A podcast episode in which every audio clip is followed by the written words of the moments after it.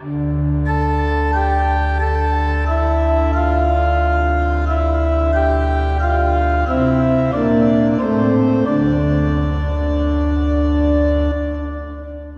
välkommen ska du vara till Predikoverkstan, en podcast från församlingsfakulteten i Göteborg.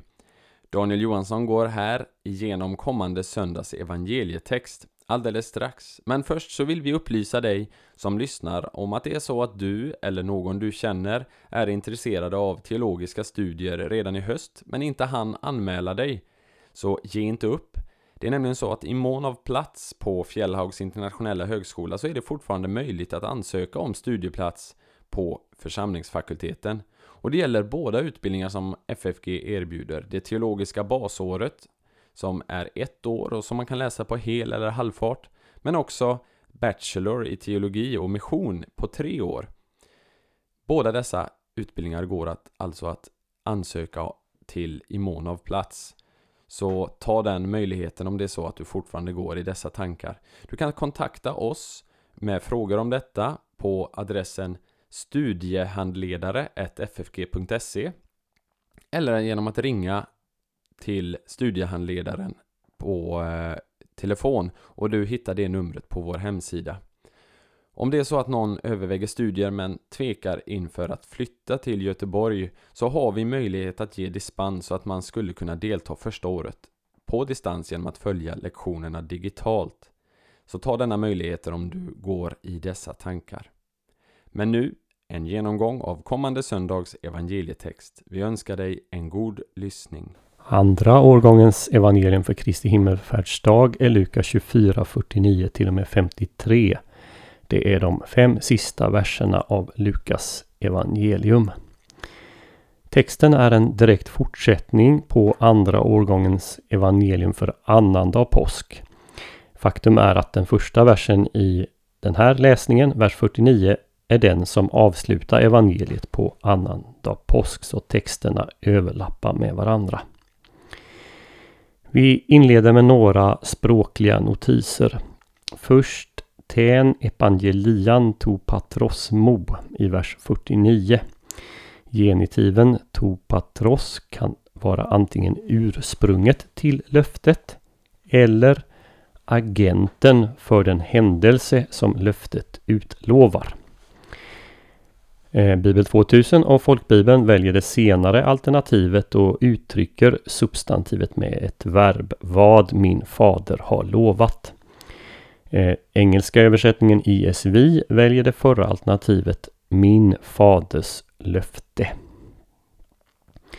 Notera också hur ex hypsios, dynamin, kraft från höjden, står som en synonym parallellism i nästa vers.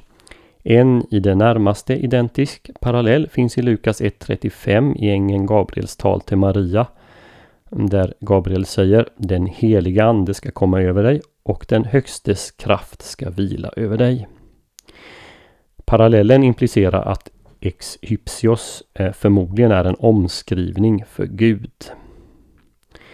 Verbet kathitso innebär sannolikt inte att lärjungarna ska sitta ända fram till pingstdagen, även om det är vad ordet betyder. Innebörden är närmast att de ska slå sig ner i Jerusalem fram tills pingstdagen. De flesta av lärjungarna lär ju ha bott uppe i Galileen.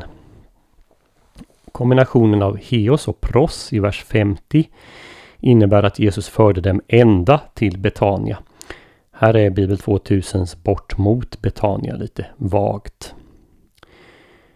Prepositionen en plus bestämd artikel och infinitiv som i en to evlogein i vers 51 är temporal. Och vi får översätta när han välsignade. Notera sedan att verbet dieste är aktivt med betydelsen gå iväg, lämna. Bibel 2000s han lämnade dem är en bättre översättning än Folkbibeln 98 som översätter han skildes från dem. Som ju ger intrycket av att det är ett passivt verb. Folkbibeln 2015 översätter däremot lämnade.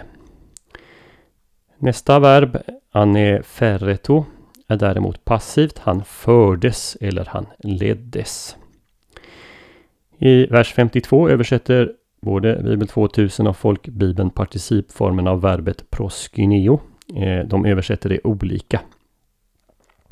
Bibel 2000 översätter med det svagare hylla. Medan eh, folkbibeln översätter tillbe. Proskineo kan betyda allt från att visa vördnad för någon överordnad till full gudsstyrkan, tillbedjan av en gudom. I Lukas och Apostlagärningarna används verbet totalt sju gånger. Jag har listat de sju gångerna i pdfen till den här podden på FFGs hemsida.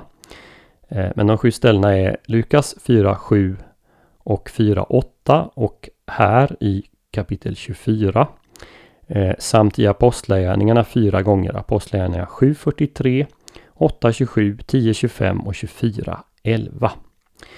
Om man går igenom de här övriga sex ställena så råder det ingen tvekan om att Lukas använder proskeneo i sin fulla kultiska mening. Och utifrån det så är det sannolikt att det ska ha betydelsen tillbedja också här i Lukas 24. Innebörden är alltså att lärjungarna visade Jesus den vördnad som bara tillkommer Gud enligt Lukas 4.8 när Jesus säger Herren din Gud ska du tillbe och endast honom ska du tjäna. Diapantos i vers 53 är ett idiom med betydelsen alltid. Och till sist noterar vi att eh, kopplingen mellan Jesu välsignelse av lärjungarna och lärjungarnas välsignelse av Gud försvinner i de svenska översättningarna som väljer att översätta verbet evlogeo med prisa och inte med välsigna. Eh, det tycks som man behållit det första verbet i den läsart som finns i Textus Receptus där det står aineo och evlogeo. Prisa och välsigna. Vår korta läsning på fem verser kan vi dela in i tre olika delar. Lärjungarna ska stanna i Jerusalem för att vänta på sändandet av anden. Det har vi i vers 49. Den andra delen handlar om hur Jesus välsignar lärjungarna och lämnar dem. Vers 50 och 51. Och den tredje, lärjungarna tillber Jesus och välsignar Gud i templet. Vers 52 till 53. Den inledande versen, vers 49, har en stark trinitarisk karaktär. Jesus ska sända löftet, det vill säga den heliga Ande, som Fadern hade utlovat. Det här är en hänvisning dels framåt till den andra volymen i Lukas dubbelverk, närmare bestämt till uppfyllelsen i Apostlagärningarna 2.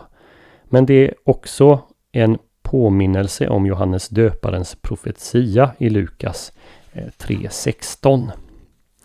Den här versen bildar också en stor inklusio med Jesu dop, hans, som ju är hans offentliga framträdande. Det gör den på två sätt. Dels genom omnämnandet av de tre gudomspersonerna och dels genom att eh, det återknyts till löftet om att Jesus en dag ska döpa med den helige Ande. Det här är ett av många sätt på vilka, på vilka Lukas här i slutet av evangeliet anknyter till tidigare teman och samtidigt blickar framåt till apostlagärningarna. Eh, en anknytning eller koppling mellan anden och kraft. Det finns det på flera ställen i Lukas och apostlagärningarna. Eh, se till exempel Lukas 1.17 och 1.35 och apostlagärningarna 1.5 och 1.8 och även 10.38. Anden kommer anden ger kraft. De fyra sista verserna av evangeliet eh, återknyter också till evangeliets inledning. Det evangeliet slutar där det började, nämligen i templet. Och det slutar med vad det började, nämligen med gudstjänst. Eh, evangeliet inleds ju med att eh, det är gudstjänst i Jerusalem och Sakarias eh, gör tjänst i templet.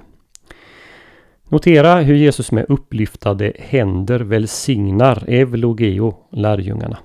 Beskrivningen av Jesus påminner här eh, ganska mycket om Syraks beskrivning av översteprästen Simon den andre i Syraks 50 kapitel och verserna 20 till 21.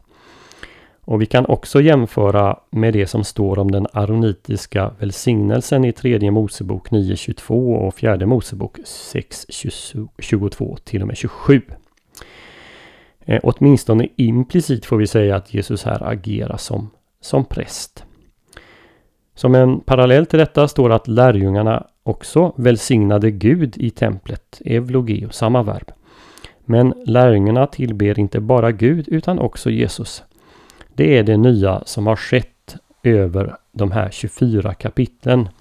Lärjungarna har nu till sist förstått vem Jesus är och den djupaste innebörden i att han är Guds son, så som ängeln Gabriel uppenbarade för jungfru Maria i kapitel 1, vers 35.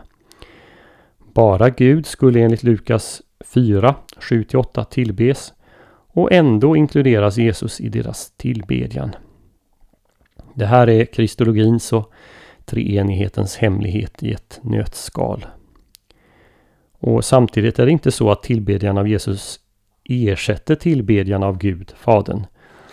När Lukas sagt att de tillbad Jesus lägger han genast till att lärjungarna var i templet och där välsignade Gud. Lukas avslutar sitt evangelium med att beskriva hur lärjungarna i lydnad väntar på att löftet om anden ska uppfyllas. Men de gör det inte passivt utan under stor glädje och välsignelse av Gud. Hur ska det gå? Ja, det får vi inte veta. Lukas avslutar med ett implicit fortsättning följer. För att få svar på den här frågan och det som ska ske, ja då måste vi vänta och vända oss till nästa volym i Lukas eh, dubbelverk.